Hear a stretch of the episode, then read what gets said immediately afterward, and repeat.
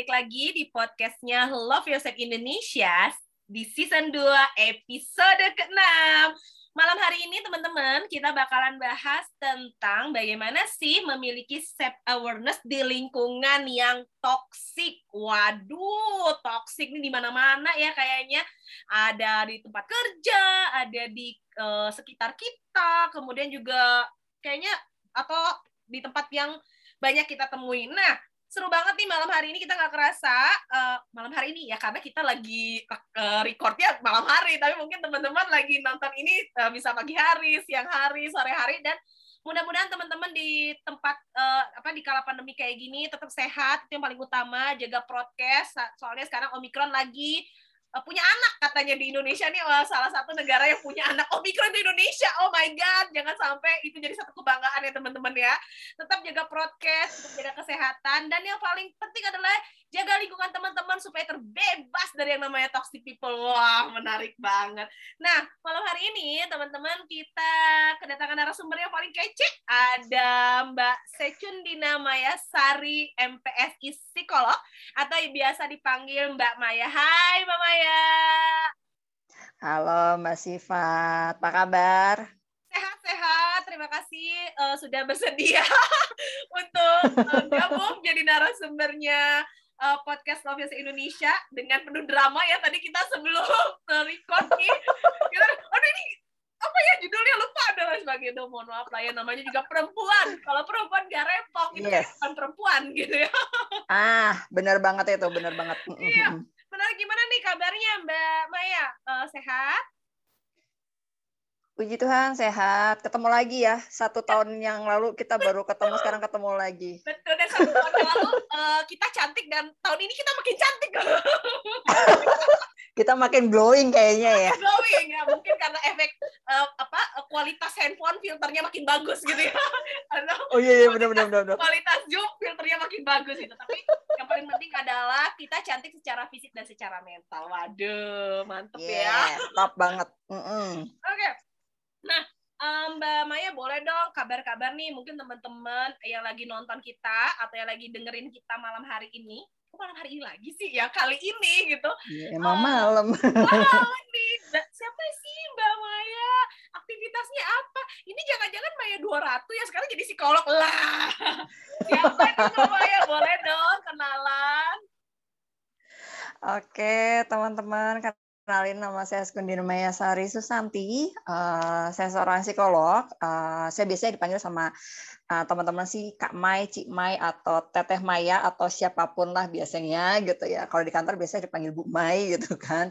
Nah sekarang kegiatan saya, saya selain juga jadi seorang psikolog yang praktek uh, pribadi, saya juga ngikut di salah satu komunitas platform kesehatan mental di Instagram. Lalu kemudian kalau sehari-harinya saya seorang uh, staf HR di salah satu perusahaan farmasi di kota Solo gitu. Jadi kalau bisa dibilang budak korporat saya. Wah, sama. Oh sama. Oh, sama ternyata. Sama juga budak korporat ya, Kak Maya atau Mbak Maya ini. Jadi apakah ini alasan Mbak Maya menjadi budak korporat karena 200 sudah bubar? Sebelum bubar saya udah jadi budak korporat soalnya mbak gitu jadi oh, ya yeah. melanjutkan lah gitu oke okay. terus aktivitasnya aktif di komunitas juga kemudian juga mm -hmm. uh, bekerja di salah satu perusahaan dan juga uh, apa eh, membuka layanan konseling secara mandiri juga. Wah, keren banget nih pasti sibuk ya. ya.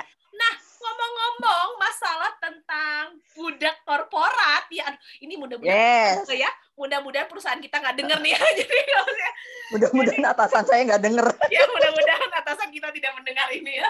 Oke, jadi gini. Ini kan menarik banget ya ketika kita bekerja di satu perusahaan gitu ya, uh, bukan mandiri gitu ya.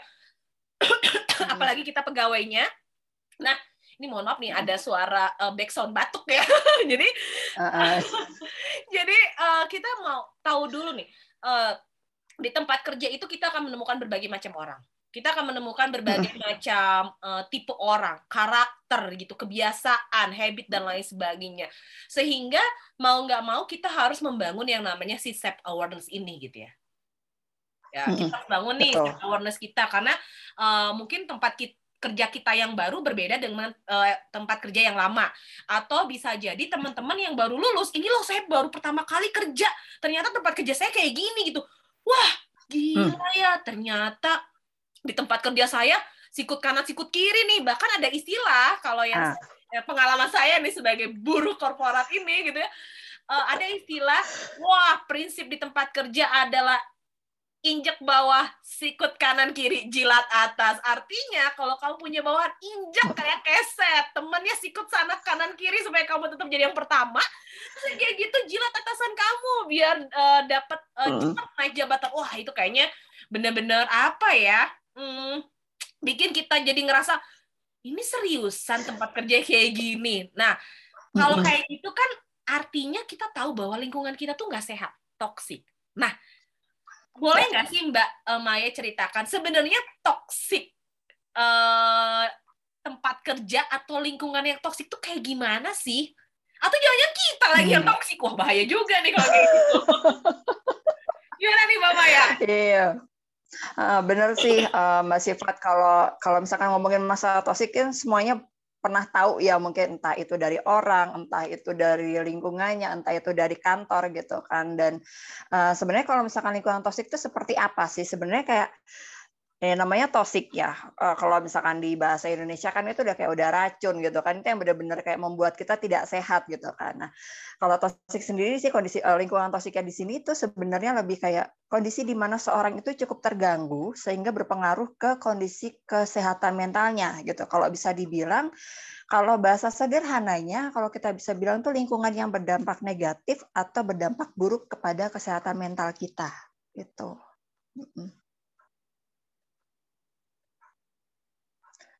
Mohon maaf ya, memang kita nggak bisa pakai bahasa mulut doang. Ini emang pintar saya nih teman-teman. Saya bahasa kebatinan berarti jadinya ya. Iya, kita berasa punya konektivitas dengan bahasa batin. Ternyata saya nge-mute tadi teman-teman, mohon maaf nih ya.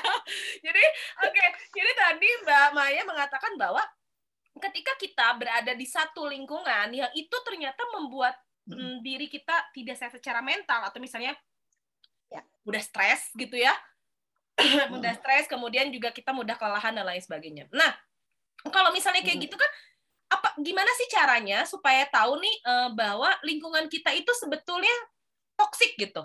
Ciri-cirinya itu apa aja sih, hmm. uh, Mbak Maya? Oke, okay. kalau uh, yang paling umum ya, yang benar-benar paling umum kalau aku kemarin sempat uh, punya klien yang juga dia sempat uh, berhadapan dengan lingkungan yang toksik di kantornya dia, itu tuh dia paling sering tuh merasa cemas gitu. Tapi sebenarnya kalau misalkan mau dilihat uh, ciri-ciri lingkungan toksik itu sebenarnya ada beberapa sih. Yang pertama tuh uh, selalu dikendalikan sama orang lain gitu. Jadi orang lain itu mengendalikan kita, terus keputusan kita tuh dikendalikan oleh dia gitu. Terus juga terkadang ketika kita diberi saran tuh sarannya tuh bukan saran yang baik tapi malah buruk gitu loh. Jadi membuat kita semakin udah terpuruk makin terpuruk gitu kan. Nah, terus uh, ada lagi cirinya yang kedua tuh selalu menguntungkan uh, selalu mengutamakan keuntungan nih. Kalau misalkan di dalam diri kita nih ada sebuah potensi yang bisa dipakai gitu, itu akan terus-terusan dicari gitu, akan uh, kita akan selalu terus dibutuhkan gitu. Tapi ketika kita udah nggak udah istilahnya kayak udahlah udah nggak ada potensi lagi sih di diri lo gitu ya udah ditinggal begitu aja gitu. Nah terus yang uh, terakhir tuh selalu dikritik gitu. Nah kalau dikritik itu kan paling enggak kita bisa tahu nih dikritiknya untuk apa gitu. Tapi kalau di lingkungan toksik tuh enggak gitu. Jadi dikritiknya tuh kadang nggak ada maksud yang jelas. Terus juga kayak lebih seneng tuh kayak ngeliat kalau orang tuh jatuh tuh kayaknya lebih menyenangkan deh gitu. Jadi kalau di lingkungan toksik itu kita kalau bisa dibilang sih kayak kita nggak bisa jadi diri kita sendiri, bahkan kita sampai nggak kenal nih diri kita tuh siapa gitu. Kalau di dalam ciri-ciri lingkungan yang toksik tuh kayak gitu. Oke, menarik banget ya. Jadi kalau misalnya kita tahu nih, satu kita nggak nyaman, uh, hidup kita dikendalikan, kemudian juga kita jadi uh, apa ya, nggak jadi diri kita sendiri gitu. Seolah-olah kita harus mm -hmm. memaksakan diri seperti orang lain. Kamu tuh harusnya kayak gini, gini, gini. Ya udah, kita nurut, nurut, nurut. Itu bener ya. Tadi mungkin tingkat stres akan uh, makin tinggi. Kemudian juga tidak membuat mm -hmm. orang jadi nggak nyaman ya kerja di tempat tersebut ya. Uh -uh. Itu yang paling penting. Benar, benar banget. Jadi itu memungkinkan nggak sih karena kaum milenial saat ini itu justru lebih sering ngerasa kayak kutu loncat loh kalau uh, uh, kerja Mbak Mai. Jadi baru satu iya. bulan, yeah. ah nggak nyaman nih tempatnya, pindah deh. Beda kayak kaum lama gitu ya. Kalau orang-orang lama tuh, kalau orang lama, nggak apa-apa, aku akan bertahan di sini sampai jadi manajer gitu ya. Dan aku bertahan karena uang, biasanya kayak gitu ya. Cicilanku banyak, nah biasanya gitu. Ya, saya nggak punya cicilan, alhamdulillah ya. Sombong pemirsa, mohon maaf. Hidup tuh tenang kalau nggak punya cicilan gitu ya. Tapi ya. Iya, benar sih. Ya. Uh, uh, uh, uh. Bener ya. Tapi itu benar, benar, benar. Jadi, jadi saya nggak nyalain teman-teman kalau mm. teman-teman punya uh, cicilan nih selama uh, sanggup membayar ya. Ini kok kita jadi ngomongin cicilan gitu lagi ke masalah si toxic tadi. Nah, Oke, ke kaum milenial ya, yang suka foto loncat tadi ya. Uh, pindah-pindah kerja terus. Nah, uh, mm -mm. si kaum milenial ini beranggapan tempat saya itu toxic, jadi saya pindah-pindah aja kerja. Nah, sebenarnya Mbak Maya, kita tahu bahwa lingkungan itu tidak toksik dan tepat untuk kita itu seperti apa sih? Gimana sih kita tahu kalau lingkungan itu adalah lingkungan yang tepat untuk kita? Gitu. Hmm.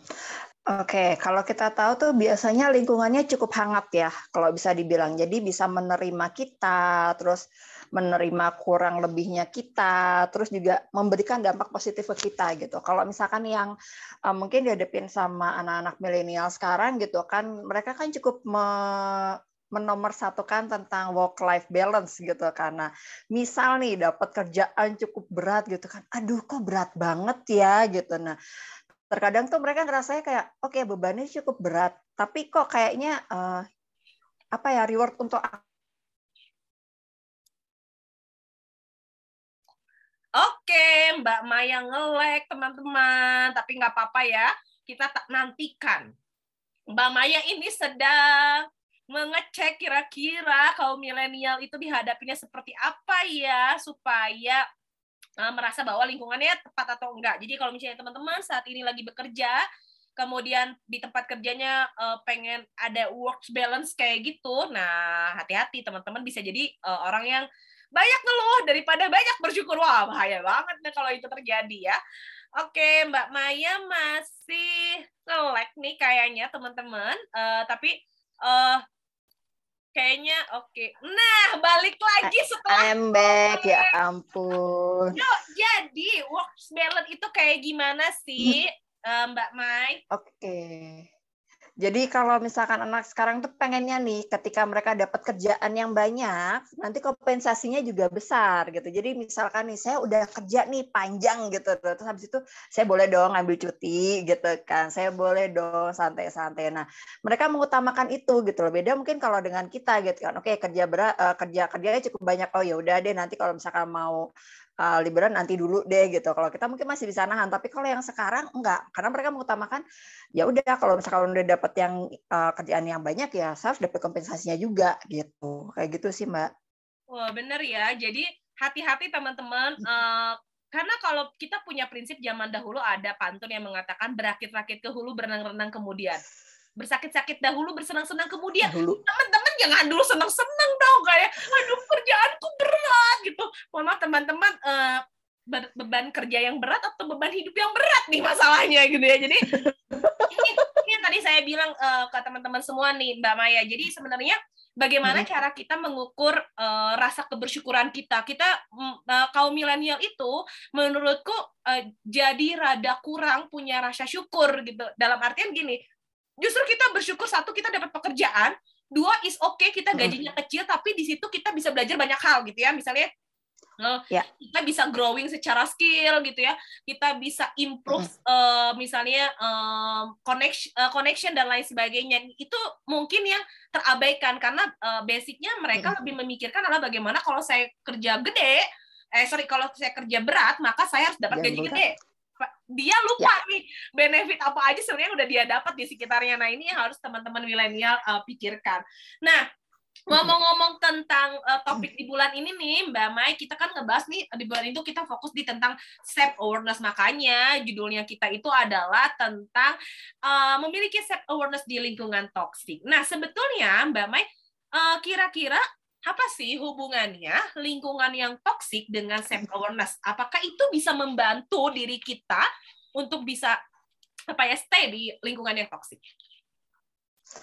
Oke, kalau misalkan ditanya uh, apakah cukup membantu, ya sangat membantu gitu. Karena kalau misalkan baik lagi ya, kalau self awareness itu sendiri kan pengertiannya adalah kemampuan mengenali diri kita sendiri gitu kan. Kita bisa tahu kekuatannya kita seperti apa, kelemahannya kita seperti apa, bahkan kita bisa tahu apa yang kita inginkan dan kita lakukan gitu kan. Karena di dalam self awareness ini juga akan ada beberapa indikatornya. Jadi kayak semacam kita punya konsep diri di dalamnya nih. Kalau konsep diri kan udah jelas ya kayak bagaimana cara pandang kita tentang diri kita sendiri gitu kan. Jadi semakin semakin mateng uh, konsep dirinya kita tuh semakin kita ngerti nih kita seperti apa sih gitu. Terus juga di dalam self awareness ini juga ada uh, eh, self esteem gitu kan. Ini kalau bisa dibilang ini jadi satu hal dasar bagaimana kita bisa membangun hubungan baik dengan orang gitu.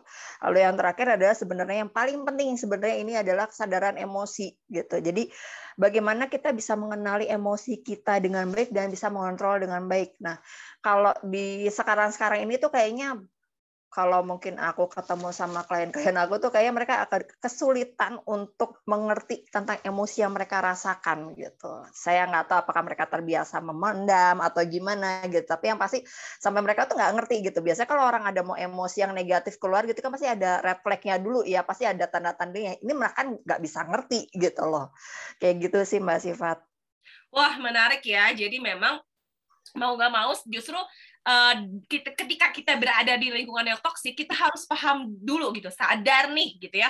Uh, sadar untuk apa? Sadar untuk kondisi kita bahwa oh ternyata uh, saya berada di lingkungan seperti ini. Mengenali emosi itu penting ya ternyata ya dan bahaya banget. Juga ternyata kalau kita nggak mengenali emosi kita dengan cukup baik.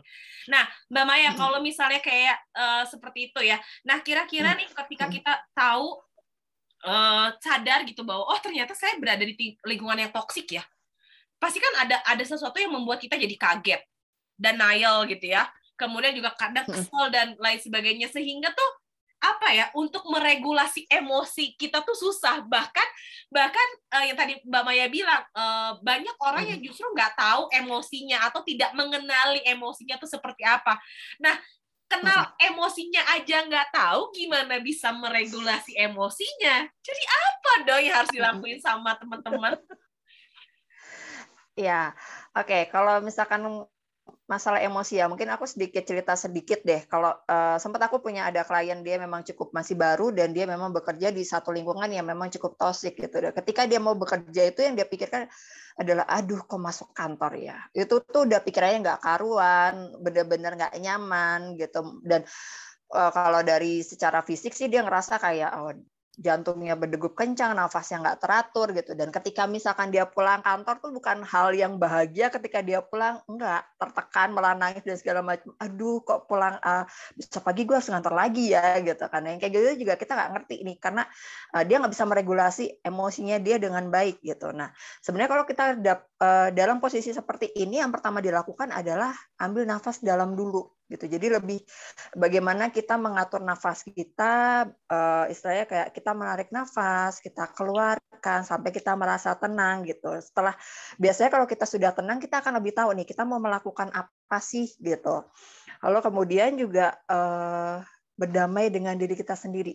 Ketika kita sudah merasa tenang, kita akan lebih mindful, kita akan lebih mengerti setiap momennya seperti apa gitu kan. Jadi misal ketika kita gugup atau cemas, oke okay, kita coba fokus dulu deh gitu. Kita bisa ngerasain apa sih di sekitar kita gitu kan.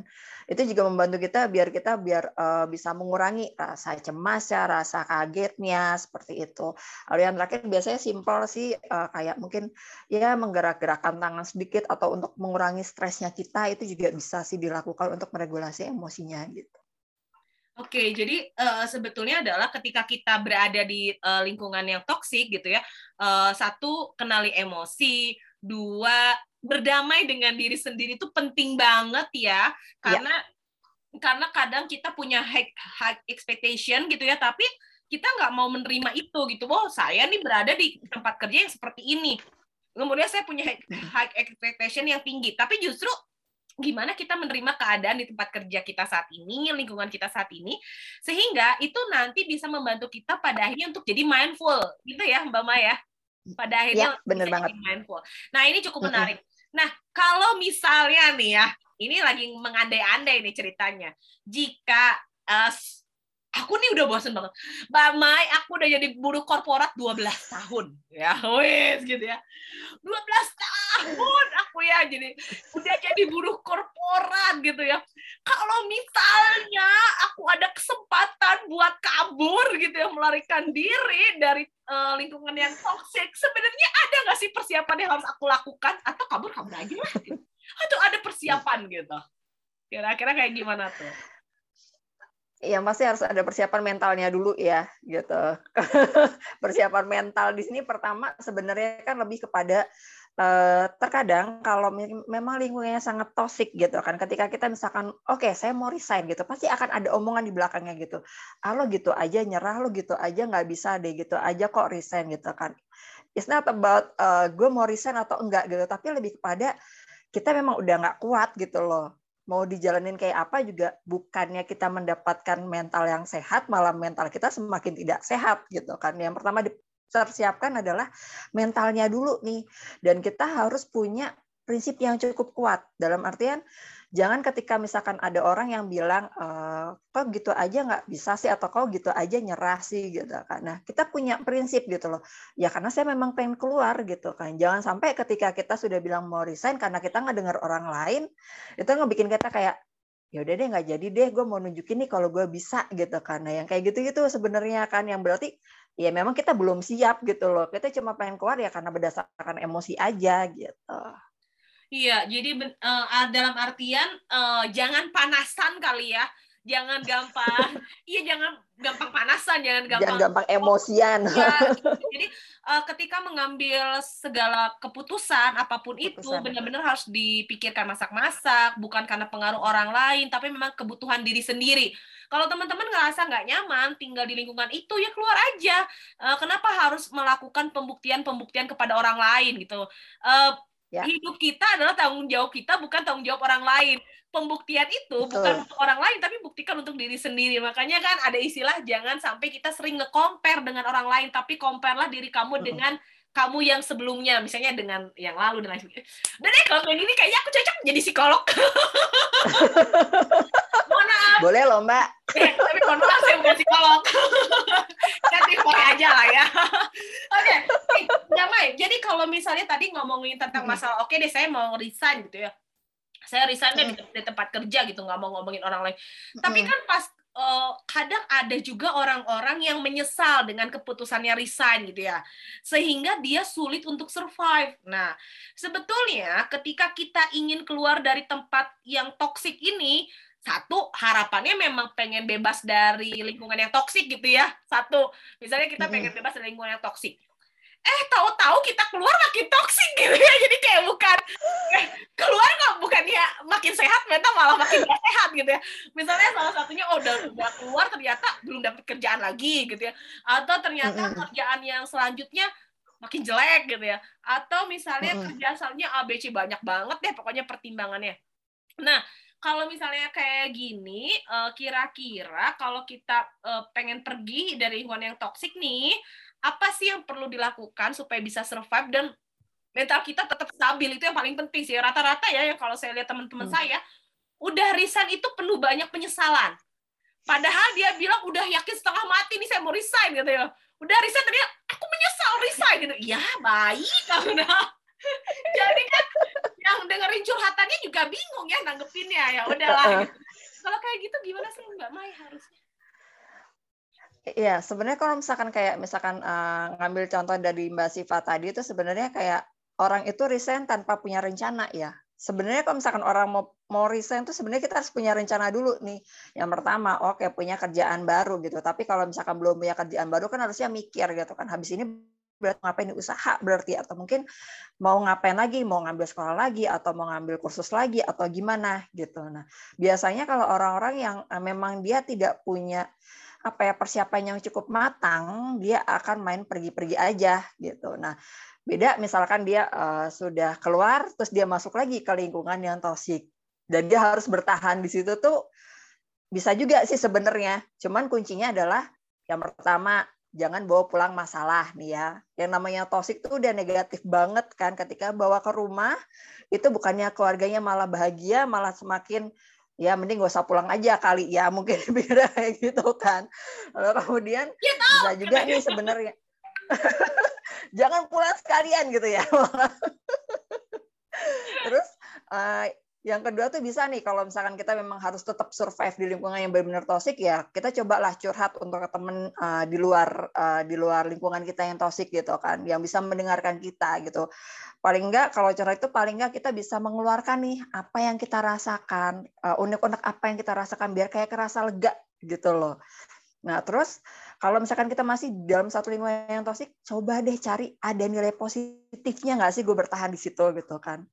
Seburuk-buruknya perusahaan atau seburuk-buruknya lingkungan pasti akan ada satu titik kecil aja yang bisa uh, positifnya gitu kan. Nah di situ kan kita bisa cari nih gitu uh, memotivasi kita. Oke kita bisa ngembangin itu nggak sih gitu kan. Nah bisa dapetin apa sih gitu.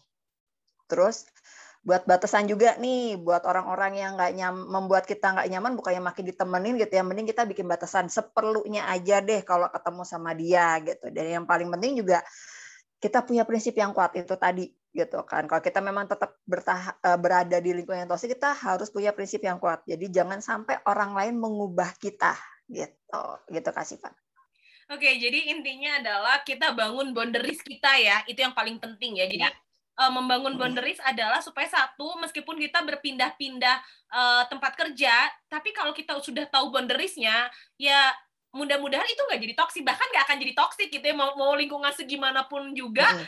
Kalau misalnya kita punya boundary satu nggak kemakan omongan orang itu ya. Dua nggak gampang baper. Yeah. kalau tempat kerja tuh di mana-mana tuh kita nggak boleh gampang baper bener nggak sih mbak Mai? Yes, karena bener banget gampang, bener banget. kalau gampang baper itu justru mau pindah ke negara mana pun perusahaan mana pun ya akan jadi toksik aja menurut kamu gitu. Bener nggak sih? Karena ya itu di, bener banget.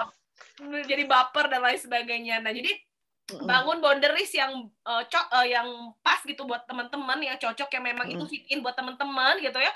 Jadi ketika teman-teman mau pindah ke mana pun juga teman-teman udah tahu batasannya. Mau setoksik apa pun karena teman-teman katakanlah ya kalau misalnya kita membahas religiulitas gitu kita kayak udah tahun iman kita udah kuat gitu ya. Jadi kayak batasan kita bener bener. kita udah kuat jadi mau setoksik apa pun ya nggak akan bisa gitu ya. Jadi nggak bakalan goyah ya, ya betul nggak, nggak bakalan goyah gitu ini mah uh, ayo kita diet gitu ya. Ayo mau diet ada coklat makan coklat dulu. Nah itu kayak ibarat kayak gitulah ya gitu. Jadi uh, itu dua menurutku ada dua poin juga ya mbak ya. Yang paling penting satu membangun boundaries tadi kata mbak uh, Maya. Yang kedua adalah kalau di tempat mana pun juga teman-teman jangan baper karena bisa jadi maksud omongan perilakunya orang lain itu belum tentu ditujukan ke kita gitu. Bisa jadi kan orang lain sebagainya. Sip. Menarik banget nih mbak Mai. Nah Terus kalau misalnya nih itu tadi cara cara salah satu supaya kita bisa survive ya di uh, tempat kerja. Nah, kadang-kadang nih mm saking lamanya kita udah ada di tempat toksik gitu ya. Aduh, udah mati rasa atau udah ah udahlah terserah gitu ya. Ya udah deh aku butuh cuan ke rumah uh, bawa masalah terus yang di rumah udah nggak usah pulang sekalian gitu ya karena marah-marah uh, aja sampai rumah. Nah, mm -hmm.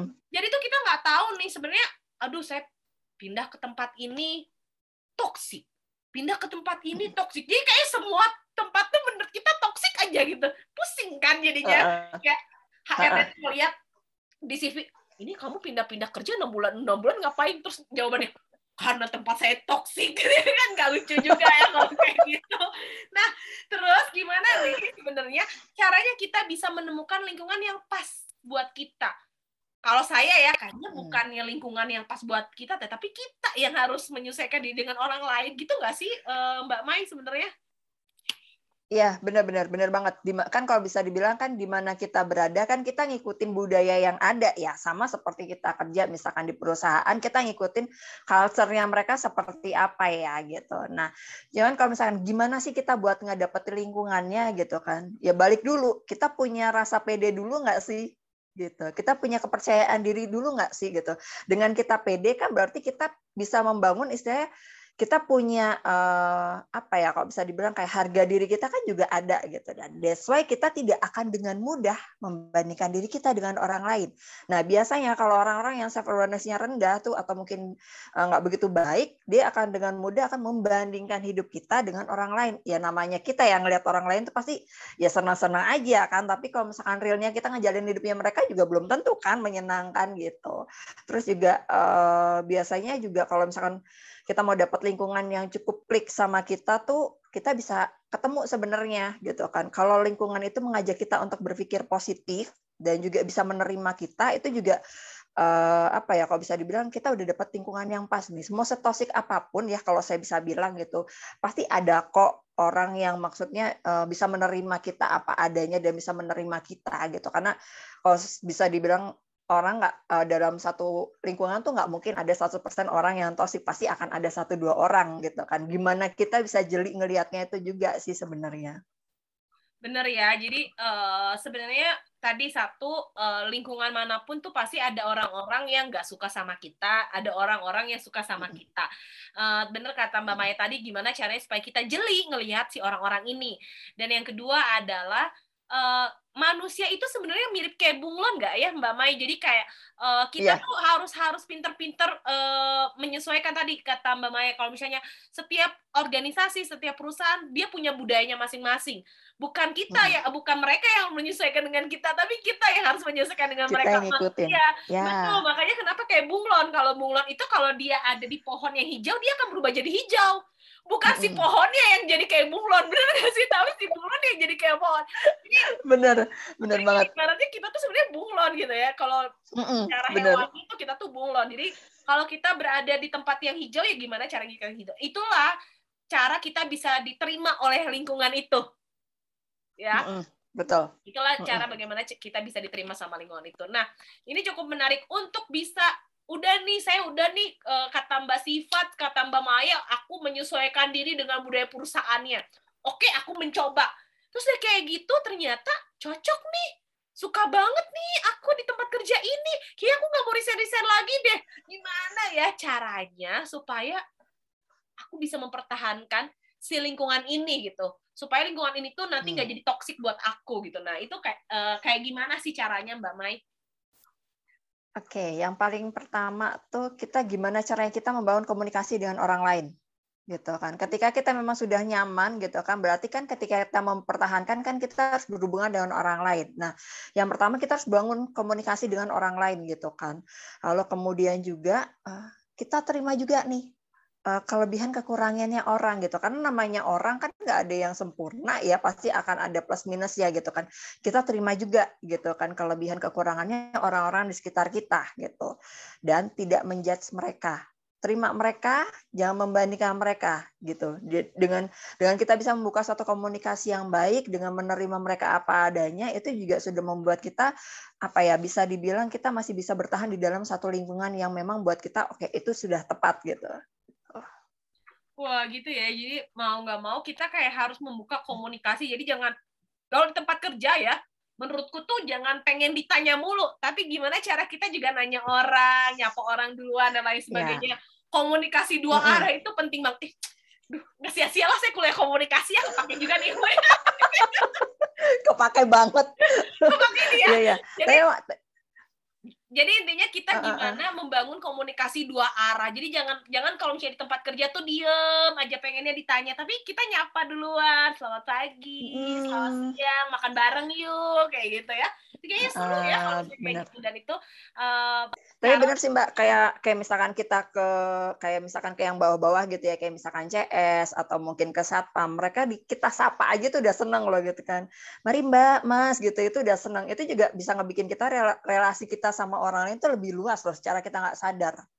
Iya, bener banget, bener. Uh, setuju banget ya. Justru jangan merasa bahwa kedudukan kita atau misalnya pangkat kita di tempat kerja itu lebih tinggi atau misalnya lebih apa ya, lebih disegani sehingga kita tidak mau menyapa orang yang uh, mungkin statusnya atau startup pekerjaannya di bawah kita. Tapi justru gimana nih kita bisa membangun uh, komunikasi secara vertikal juga komunikasi secara horizontal gitu ya, mau ke atas, mau ke bawah, mau ke teman-teman yang sekitar sehingga itu akan menjadi lingkungan yang menyenangkan buat kita dan kita juga akan lebih banyak teman ya dibanding kita kalau ketemu Iya, mari. Sumpah yang males loh yang kayak gitu-gitu beneran Ya, deh. Tapi itu memang selalu ada nggak sih Mbak Mai? Iya, Selalu ada ada, ada ya. banget, ada banget. Yang udah disapa gitu yang cuma melengos ngeliatin doang. Ih, kayak kayak kayak ih sebel banget deh kayaknya. Iya tuh saya kadang suka bingung, dia kenapa sih kayaknya. Tapi justru Kayaknya Ah. hidupnya punya masalah gitu ya kayaknya. iya benar. Semua orang punya masalah, tapi kan sebetulnya bagaimana cara kita menangani masalah itu dengan cukup baik, bagaimana kita bersikap dengan Yes. baik. Karena karena saya percaya banget nih kalau ketika kita mem- apa ya menyebarkan benih kebaikan maka kebaikan-kebaikan itu akan kita dapat. Nggak nggak harus dari orang itu Ya. tapi dari lingkungan sekitar. Nah begitupun dengan eh, cara kita bersikap ke orang lain ya mbak Mai. Misalnya gini oh saya selama ini ramah nih sama orang gitu. Jadi ketika nanti suatu saat saya butuh bantuan lagi dengan orang itu tuh kita nggak akan segan. Karena kenapa ya? Selama ini eh, apa enak kok ramah kok orangnya dan lain sebagainya. Bayangkan kalau misalnya kita pas ditanya Iya. mbak Maya apa? Ya kalau kayak gitu Tapi tapi ada loh yang kayak gitu beneran. Oh, Ada loh, ada banget, ada Ya, banget, mohon maaf ada nih, banget. yang yang nonton nonton jangan sampai kesinggung ya mohon maaf nih. Tapi ini ada gitu. Maaf karena ada yang tersinggung. Tapi kita mah lagi curhat aja ya mbak Mai. Kalau ini ada. Bener bener.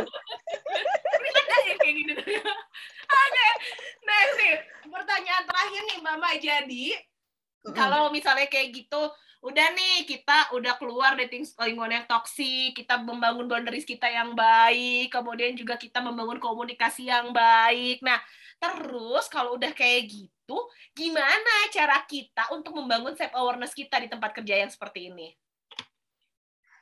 Oke, kalau membangun self awareness-nya kita tuh ya yang paling eh, paling pasti itu yang mm, jangan pernah melupakan untuk merefleksikan diri ya, yang paling pasti gitu kan. Belajar untuk jujur sama diri kita juga sebenarnya gitu. Terkadang ada orang yang udah ya saya oke lingkungan gue udah udah udah nyaman nih, terlena nih gitu. Jadi dia nggak mau yang ketika ada orang ngasih eh, masukan atau pendapat dia nggak mau mendengarkan orang lain gitu kan. Bahkan mungkin dia tidak ada refleksi eh, refleksi diri dengan dirinya dia gitu kan. Terus juga eh, apa ya kalau bisa dibilang lebih menerapkan mindfulnya juga sih mbak gitu. Kalau misalkan kita mau membangun satu self awareness yang bagus juga gitu kan. Karena mindfulness kan bukan berarti bukan masalah harus begini dan begitunya tapi lebih peka apa yang akan kita lakukan gitu. Dengan kita membangun itu kita akan lebih tahu nih kita mau melakukan apa sih di lingkungan kita? Kita mau berbuat apa sih untuk lingkungan kita?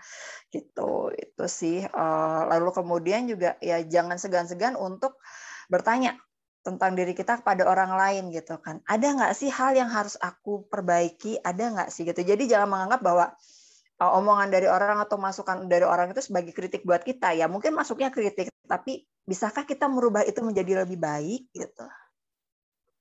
Oke, sip. Jadi intinya adalah gini ya teman-teman, mungkin di luar sana banyak yang menganggap bahwa ketika ada orang yang mengomentari hal negatif ke kita atau katakanlah kritik itu adalah sesuatu hal yang ingin menjatuhkan kita. Justru enggak. Justru orang yang memberikan uh, feedback mungkin negatif atau kritik, dia adalah orang yang paling peduli dan tahu kekurangan kita, yang ingin kita menjadi lebih baik. Masalahnya, coba dirubah deh mindsetnya. Kebanyakan nih mindsetnya teman-teman, ketika ada orang yang kritik atau misalnya ngasih feedback negatif, pasti dianggapnya lu tuh gak suka ya sama gue gitu. Nah itu nggak kayak Ah, gitu. benar benar benar banget. Bukan bukan Mm-mm. kayak gitu, tapi justru dia aware sama kamu supaya kamu bisa improve diri kamu menjadi lebih baik gitu ya. Jadi ketika ada yang kritik atau komen negatif ya langsung jangan baper. Dia mah benci sama aku. Ah, langsung musuhan. Langsung update status. Ya kayak gitu ya. jangan. Terus jangan. di blok ya. Dia Mm-mm. langsung di blok. Ah, dia mah nggak suka sama. Nah, itu hati-hati ya teman-teman. Jadi justru kita di lingkungan sosial eh, berteman, bergaul eh, pasti ada yang suka, tidak suka. Nah, ketika sesuatu hal yang eh, tidak suka dari kita itu justru harus kita improve gitu ya, supaya menjadi diri kita yang lebih baik dan kita juga bisa nyaman gitu ya di tempat kerja sehingga obrolan kita malam ini semoga bermanfaat buat teman-teman. Karena dari tadi kita cengengesan gitu ya, tapi tapi ini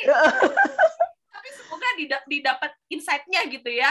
Eh, dalam artian ketika teman-teman apalagi teman-teman milenial atau teman-teman yang udah lama kalau misalnya teman-teman yakin pengen resign boleh resign. Sok yang penting mentalnya harus sehat cari lingkungan yang nyaman. Yang terutama adalah teman-teman kalau udah mau resign jangan menyesal tapi punya planning. Ini kebanyakan yang terjadi justru resign gak punya planning ya iyalah penuh penyesalan hidupnya gitu ya.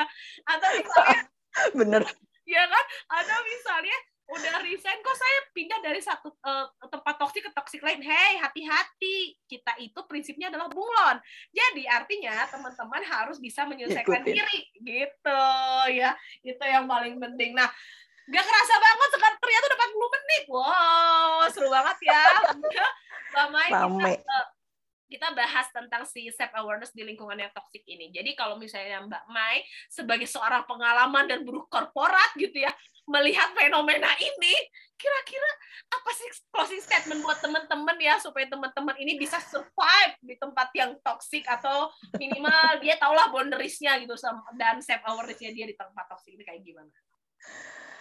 Oke, uh, aku sempat ada baca quote satu sih uh, tentang self awareness. Jadi bunyinya gini, self awareness is not self judgmental, it's not self judgment, it's looking, seeing, discovering who are really are. Jadi kalau bisa dibilang kesadaran diri itu tuh nggak bukan karena memang uh, tentang judge sih, tapi bagaimana caranya kita tahu tentang diri kita dan lebih membangun ke diri kita uh, lebih lebih dalam lagi gitu. Jadi kalau buat teman-teman di sini yang memang lingkungannya lagi toksik, dilihat lagi deh gitu. Ini gue mau ngapain nih di lingkungan toksik? Mau resign kah atau aku mau bertahan gitu. Ketika mau resign, buatlah planning yang cukup jelas gitu. Jangan sampai ketika sudah keterima kerja di tempat yang baru nggak nyaman, habis itu pengen balik lagi, oh, gue pengen balik lagi ke perusahaan ini. Bu bisa nggak saya masuk lagi? Nah, jangan sampai kayak gitu ya gitu. Terus kalau misalkan yang masih bertahan, Oke, carilah uh, hal positif yang di dalamnya. Pasti akan ada satu hal yang bisa kalian kembangkan. Buat siapa tahu itu bisa buat skill di tempat kerja yang baru gitu atau di lingkungan yang baru gitu. Itu aja sih Mbak Sifat. Oke sih, menarik banget ya. Jadi teman-teman, kalau misalnya teman-teman berada di tempat yang toksik, uh, pilih resign, uh, pastikan resignnya sesuai dengan keputusan yang tepat, planning yang jelas gitu ya. Jangan jangan karena emosi gitu ya ah resign saya kesel gitu ya udah resign jangan sampai kayak gitu ya atau misalnya teman-teman mau bertahan pastikan bahwa teman-teman harus penuh kesadaran bahwa teman-teman selama bekerja di situ nggak mungkin hal buruk terus yang terjadi. Tapi ingat-ingat terus nih hal-hal baiknya hal-hal bagus-bagusnya yang bisa dikembangin dan lain sebagainya. Wow mantap banget nih dari Mbak Maya yang udah pengalaman menghadapi orang lingkungan toksik atau mungkin dari saya juga ya yang sama-sama berada di pernah merasakan itu gitu ya jadi kita bertahan demi cuan dan demi mental tapi intinya adalah mari. ya, mari tapi intinya adalah lakukan semua pekerjaan dengan bahagia dan sukacita supaya ya, itu membawakan keber keberkahan buat diri kita dan juga orang-orang di sekitar kita. Paling penting itu sih teman-teman oke teman-teman Mbak Maya thank you banget ya untuk waktunya seru banget thank you, Mbak Siva. jadi kalau misalnya teman-teman pengen uh, konsul nih sama Mbak Maya, bisa kontak Mbak Maya di mana atau bisa menghubungi Mbak Maya di mana atau misalnya kayak pengen ngobrol langsung deh. Kayak yes. cepat doang ya ngobrol, tapi saya pengen ngobrol langsung deh.